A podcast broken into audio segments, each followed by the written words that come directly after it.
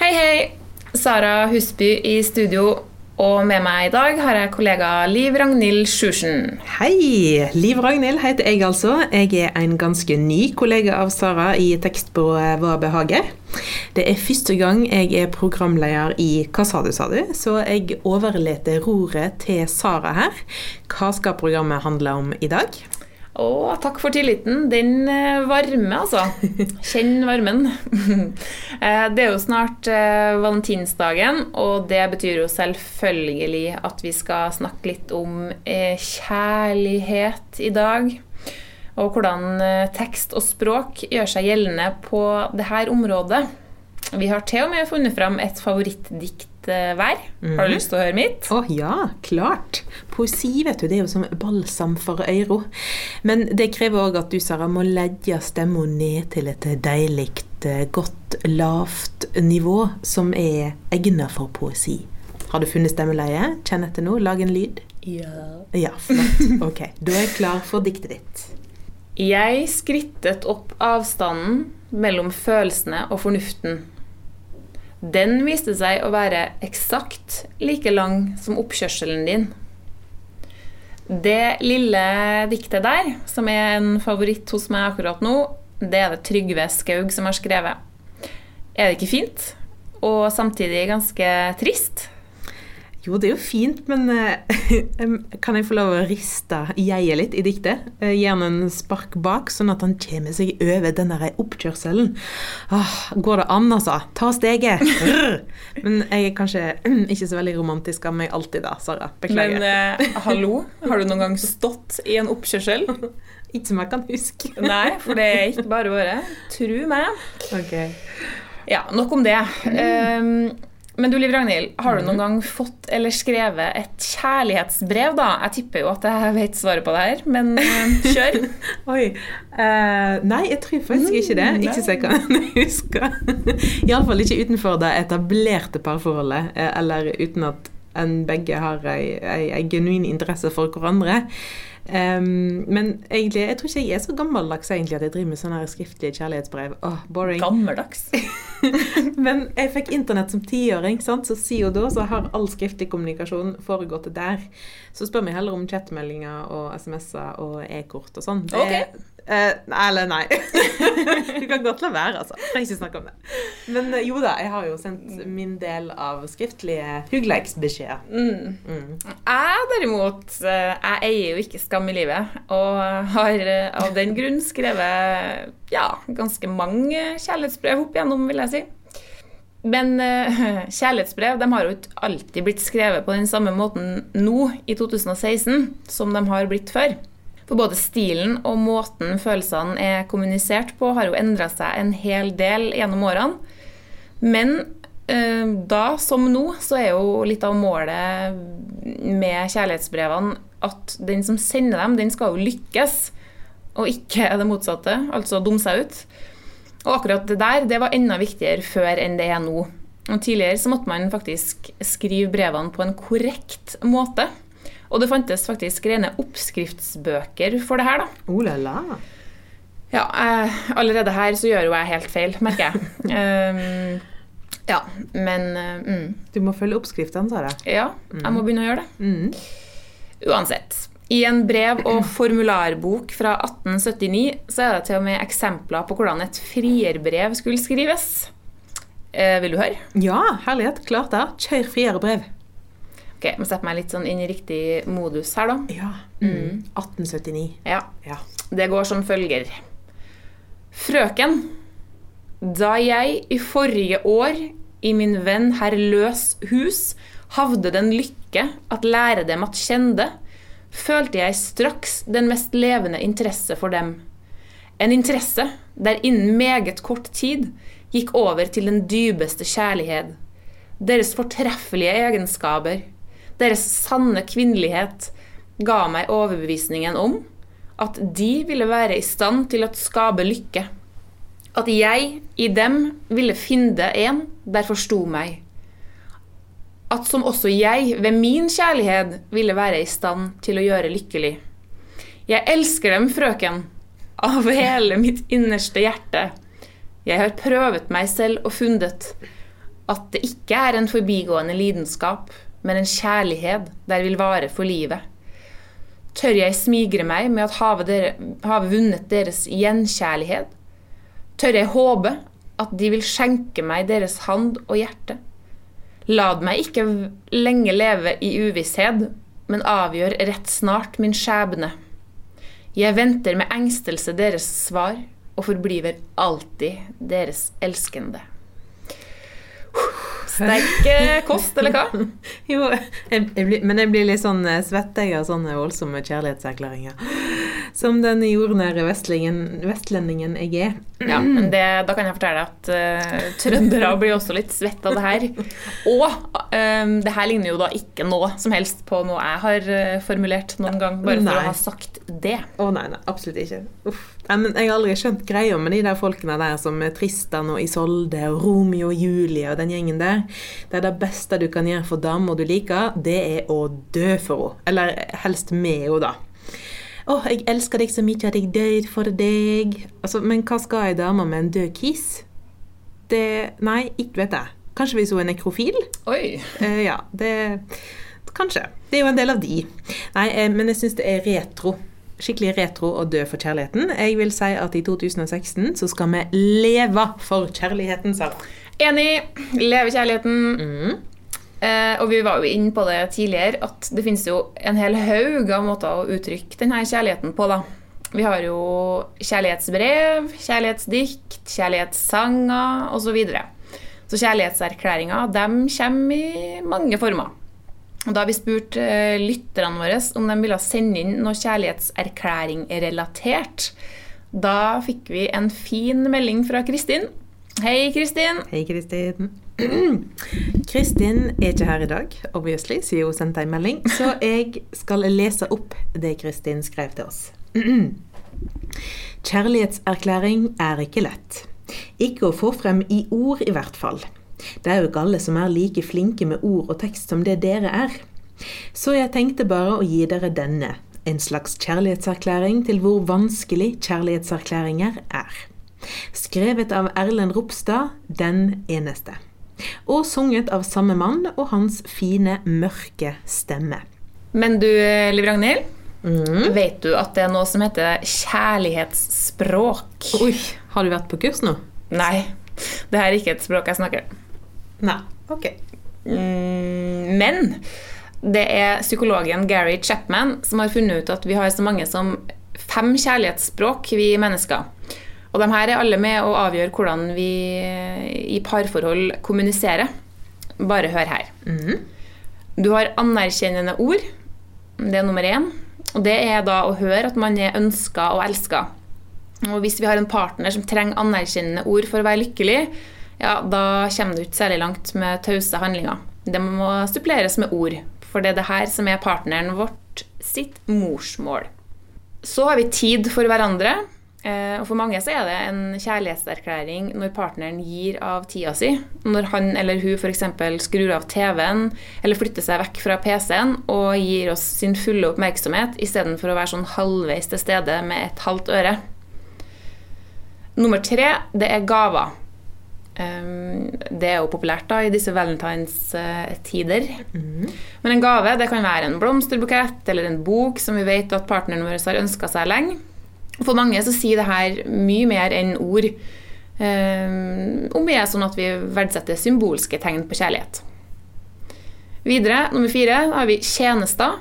Og det kan være helt enkle ting som det å lage mat, dekke bordet, støvsug, bære ut søpla, klippe hekken eh, hvis du er litt oppi årene. Jeg har hekk. Ja. Jeg fortsetter. Da kan du også kanskje relatere til den neste her. Rak løv. ja. Eller skift vann i akvariet. Det kan kanskje høres ut som eh, bagateller, mye av det her, men ifølge psykologen så finnes det ikke bagateller i et parforhold. Mm. Men Sist, men ikke minst, så har vi fysisk nærhet. Og det her, det skjønner jeg jo. Um, Ja. Og han forklarer det på den måten her. Uh, barn som ikke blir hold, holdt eller får oppleve hudkontakt, de visner. Og Ja. sånn er det visstnok også med oss voksne. Ja. Og noen er helt avhengig av fysisk nærhet faktisk, for å, høre, eh, for å føle at de hører til. Det er deres kjærlighetsspråk. Eh, og hvis du er en sånn person som er avhengig av det her, da hjelper det lite med ord og tjenester og gaver og den slags. Hvis du samtidig da lengter deg syk etter kyss, klapp og klem. Ja. Eh, klarer du å relatere deg til noen av de her språkene, Liv Ragnhild? Jeg vil ha alt, jeg kjenner. Åh, ja, alt eh, ville jeg jo gjerne òg hatt. Men eh, om jeg skulle velge tre, kjenner jeg, av disse fem, så måtte det ha blitt ord, tid og kos sist, men ikke minst. Og måtte jeg velge én, så blir det definitivt kos. Åh, må ha kos. Ja, enig. Jeg er en sucker for kos. Gruppeklem på jobb? Ja. Ja! Ja. Vi begynner med det. ja. Men du, vi må jo, vi kommer jo ikke unna utenom det her å snakke litt om Valentine's Day, eller valentinsdagen, da, som den heter på norsk.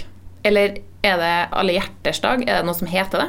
Ja, jeg tror en kan gå for alle sammen. Ja, samme kan det være. Den kommer snart, i hvert fall. Søndag, for å være nøyaktig. Ja. Uansett, da. Eh, tall fra Virke forteller at rundt halvparten av nordmenn mellom 16 og 19 år faktisk har adoptert denne amerikanske tradisjonen.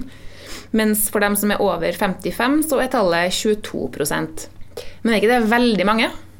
Jo Jeg syns det hørtes veldig mye ut. Mm. Det er kanskje fordi jeg aldri har merka noe særlig til valentinsdagen, som jeg kan huske, i hvert fall. Men det sier kanskje mer om eh, meg og de guttene jeg har data, enn om selve dagen. Hva tror du? Tja. eh, Jeg eh, og min eh, kjæreste har vel egentlig alltid sett på det som en sånn amerikansk kommersialisert sak som bare er kunstig laga for å tjene penger. Så eh, den har ikke vi feira noe særlig. Men ett år så feirer vi faktisk da 15. februar. Jeg tror det var jeg som trumfa gjennom et behov for å feire kjærleiken. Og da sendte han meg faktisk et kort i en rød konvolutt, og oppi der så var det òg lassevis av små røde hjerter som han hadde klippet ut for hånd. Romantic! Ja, det må man jo kunne si at det er romantisk. Klisja! Ja. Wow. klisjat. Men du, apropos klisjat. Eh, det kan jo ikke bare være deg og meg som sitter her og forteller litt for personlige ting om kjærlighet og kjæreste og sånn. Så for å sprite opp dette litt, så eh, tok eh, Sara og jeg oss en tur ut på gata og spurte folk flest hva de kaller kjæresten sin. Er du klar for en liten lytt? Ja, gjett om meg. Da hører vi på det. Har dere noen gang hatt et kallenavn på en kjæreste dere vil avsløre? Nei, egentlig ikke. Bortsett fra sånn baby og pus og sånn. Det er litt sånn internt, da. Men det, det, eller han heter Tai. Og så pleier vi å kalle han hentai og litt sånn forskjellig. Da. Jeg vet ikke om du, om du vet hva det betyr. Det er, ok, det er sånn japansk sånn, eh, sånn sex-anime, på en måte. da. Ja, Så vi får kalle han det. Ja. Artig. Ja, men det er ikke bare meg, da. Det er liksom de på skolen. da. på om du eh, har et kallenavn på kjæresten din hvis du har en kjæreste. Jeg bruker å vrenge om navnet hans, egentlig. Vrenge om navnet. Ja. Oh, ja. Hvordan da? Gay Bug. For det har han sagt sjøl at han har blitt kalt en gang, så Nei, det må være kosegutten min eller kosegrisen. Noe sånt. Nei, ikke så tør å si høyt. Oi, oi, oi. Ja, her var det veldig mye artig, eh, og veldig mange interne navn på folk. Det er jo eh, Det er jo gjerne det som eh, kjennetegner eh, det språket som av og til kan oppstå mellom kjærester. For eh, jeg har mange parforhold og i mitt eget observert at det er ikke bare interne kallenavn en har på hverandre, men det oppstår òg et slags litt internt språk. Jeg og min Kai, vi, vi er jo veldig opptatt av språk begge to, det kan jo være derfor, men vi har iallfall laga oss massevis av egne ord for ting. Appelsin, eksempel, det kaller vi bare for sin. Fju er et ord vi bruker utrolig mye. Det kan være et spørsmål. Fju. Det kan være et svar. Fju. Men det kan òg være et utrop. Fju! Som eksempel ha det, hallo, kom hit, å nei. Da kan vi si fju. Men det kan òg bety et barn, sånn som at en liten fju eller en småfju, det er et barn. Og det er jo logisk i vår hjerne. Eller nå ja. Det har iallfall oppstått eh, sånn. Og hvis vi roper mø, så betyr det altså hjelp. Mø. Eh, og det har vi òg gjort om til et verb, sånn at det blir å møa. Det vil si å rope om hjelp på en eller annen slags måte. Åh, det her var veldig kleint, kjente jeg, Sara. Akkurat. Em, veldig logisk. Men um, så morsomt, da. Mhm. Og litt rart. Ja. ja, litt rart. Men apropos rart, eh, har du noen gang gjort noe litt spesielt for noen du liker spesielt godt? Jeg har gjort masse rart, men det kommer vel kanskje ikke som noen overraskelse. Nei. Takk. Eh, Blant det siste så kan jeg jo nevne at jeg har hengt en bok på en sykkel midt på natta. Og det, det, er jo, det er jo langt unna topp ti en gang, egentlig, av rare ting jeg har gjort. Ja. Trenger ikke å gå noe nærmere inn på det, egentlig. Men eh, vi ville jo høre om folk eh, på gata hadde gjort noe litt ekstra for kjærligheten. Uansett om det var rart eller merkelig eller spesielt eller eh, hva det nå var. Så da hører vi på det. Så lurer på hva er det rareste dere har gjort for kjærligheten? Nei, nei, små tingene i hverdagen. Jeg gjør ikke så veldig mye sånne store ting, men det er jo, handler om å ta vare eh, på hverandre og se hverandre i hverdagen. Gi et kyss til den eh, du våkner sammen med, og, og vise at de betyr noe. Det er jo de der vanlige tinga. De liksom Ja, jeg, jeg har ikke liksom eh, hatt sånn dueinstallasjon med fyrverkeri noen gang, liksom. Det har vært bare de små, fine tingene. Jeg bestilte McIntyre til Trondheim, da. En lang helg for eh, romantikken sin del. Hva er det merkeligste, rareste, mest oppfinnsomme, mest kreative dere har gjort for eh, kjærligheten? Jeg har um, tatt med kjæresten min eh, til fyrtårnet, fyrtårnet borti der. Og så har jeg laget en sånn aften med masse forskjellige øltyper og sånn. Og telys og sånn. Ja. Vi har jo vært i New York, og vi har jo vært og reist med det, så vi har gjort masse sånne småting. Vi har, vi har jo danset under broen i Central Park, da.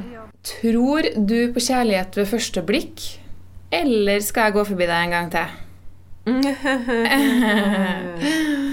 ja, det her er jo bare en av mange kleine sjekkereplikker som finnes. Et fenomen som eh, merkelig nok fortsatt eksisterer. Eller hva tror du om eh, den her, eh, Liv Ragnhild? Åh, hjelp. De pene jentene er så overlegne, men du er så hyggelig. Åh, ouch! Ja. Kjipt å få den. Skyld meg en kald cola. Jeg kan faktisk ikke huske å noen gang ha blitt sjekka opp med sånne sleazy lines. Heldigvis, eh, vil jeg påstå. Men eh, på internett og i filmer, der florerer de jo. Og det er jo ganske flaut, som så veldig mye annet som har med kjærlighet å gjøre. Ja, nå ble de ikke flause, kjenner jeg her. Eh, så for å bare bryte opp litt Dette er jo tross alt et språkprogram. Selv om vi har knytt språk opp mot kjærleiken her, så kjenner jeg at eh, jeg må over på litt mer nøytral grunn, spesielt etter å snakke om de der eh, interne ordene. Ja. Så jeg har Åh, sj, Nei, du må si mø. Å ja, ok. Ja, ja ok. Anyway. Eh, da, eh, men i løpet av uka så har jeg gjort, gjort meg følgende observasjon. Det har vært mye snakk om ord de siste par ukene. Eh, og det er fordi at Språkrådet, som vi ofte refererer til her i Hva sa du, sa du, kårer årets fy-ord. De pleier jo å kåre årets nyord, men nå er det altså fy-ord som òg har blitt ei liste. Vil du høre lista, Sara? Ja, om jeg vil. Jeg er jo litt redd for at det her noe, at det dukker opp noe jeg bruker her, da. Men um, jeg gjetter vel egentlig bare at det kommer noe som vi irriterer oss over sånn på hvert fall ukentlig basis. Ja, vi i Hva behager er jo opptatt av språk. Ok, here we go, som de sier over dammen. Utrolig sykt og sinnssykt. Viktigheten av. Omforent. Tenke at. Adressere en problemstilling eller møte et krav. Prosess. Og robust. Snork. Ja, det var lista. Sykt og sinnssykt, det er jeg egentlig bare lei av, kjenner jeg. For det har eh, vært eh, hot i så mange år, og òg like hot å si at en er lei av det. Og det er mange som har uh, merka seg det. Men eh, prosess det syns jeg var et ganske sånn interessant fyord. For det er et eh, sånt vidløftig fyllord som folk nikker anerkjennende til. Ja, vi må ha en prosess på det, og ja, lag oss en prosess og finne ut av. Men ofte så kan det være vanskelig å fylle ordet prosess med konkrete ting og handlinger, syns jeg. Det blir bare sånne eh, svader som alle føler de må ha med. Mm. Åh, gud, dette engasjerer meg. Øh, du, kan vi, nå er vi jo på slutten av programmet. Kan vi ta opp denne lista igjen og lage litt mer av det i et annet program? Kan vi, Sara? Kan vi, Sara? Please, please, Sara? Ja! Ja! Det kan vi. Men uh, før vi avslutter den sendinga her, så skal vi jo også svare på ukens spørsmål. Og det kommer fra Nikolai, som lurer på hva ordet oksymoron betyr. Og det må jeg jo innrømme at det visste ikke jeg før jeg fikk det spørsmålet her. Men nå vet jeg det. Og svaret på det, Nikolai, det er at et oksymoron er en språkfigur innen retorikk og stilistikk som kombinerer to kontraster. Um, og på Wikipedia så står det følgende Når to motstående ideer settes sammen, sjokkerer de ved sin nærhet til hverandre. Nærmest paradoksalt og selvmotsigende. Det jeg leste nå, kunne nesten vært uh, et kjærlighetsbrev. Eller en erotisk novelle. Eller oh, gud, ja. eh, En slags filmtrailer, egentlig. ja, litt sånn dirty eh, Fifty Shades. Men altså, uh, eksempler på oksymoroner, det kan være grusomt kjekt, jævlig hyggelig, levende død, øredøvende stillhet og gamle nyheter. Visste du det her? Nei, vet du hva, det visste jeg faktisk ikke. Men når jeg tenker meg om, så har jeg fått kjeft noen ganger for å bruke fryktelig eh, foran noe som er positivt. Fryktelig kjekt, f.eks. Ah, så dette her er- har nok jeg synda litt eh, mot. Ja, Mm. det har vi nok alle. Ja. Men du, jeg har fryktelig lyst til å høre eh, ditt favorittdikt. jeg. Ja. Gjør du på det? Å, ja, er du gal? Huh, ok, da må jeg finne fram til poesistemma i meg. og jeg skal lese 'Hver gang du og jeg lyt skiljast' av Jakob Sande. Hver gang du og jeg lyt skiljast og vår lukkeskål er tømd, går jeg inn i livsens mørkeste time. Jeg står ensom i en avgrunn, og det er som jeg fordømd, inni skodda hører likferdsklokker kime. Men hver gang du og jeg får møtast, og vår lengtingsmål er fylt, går jeg inn i livsens ljosaste time. Jeg står omflødd av et solhav, og det er som jeg får trylt, gjennom daler hører bryllupsklokker kime. Oi, det her var jo også litt eh, kontrastfylt. Ja, og det, this is my kind of romance, da. Det... Ja, for det her er jo ikke klisjete og romantisk. Så. Jo, ja, jo, ja, jo, kanskje litt, egentlig. Det er vel, ja. Og du gjør narr av oppkjørsler? Ok. Ja, det var fint. Jeg likte det. Da gjenstår det egentlig bare for oss å eh, avslutte for i dag. Men eh, fortvil ikke om du skulle gjøre det. Fordi vi er tilbake om eh, to uker, vi. Og da skal vi snakke litt mer om eh, hvordan bedrifter bruker språk. Yep. Og her er det jo mye forskjellig. Vi kan jo si det enkelt og slå fast at det både er mye gull og mye gråstein. Ja, det tror jeg på. Ja. Takk for oss, og ha det! Ha det bra! Og happy valentine! Hva sa sa du?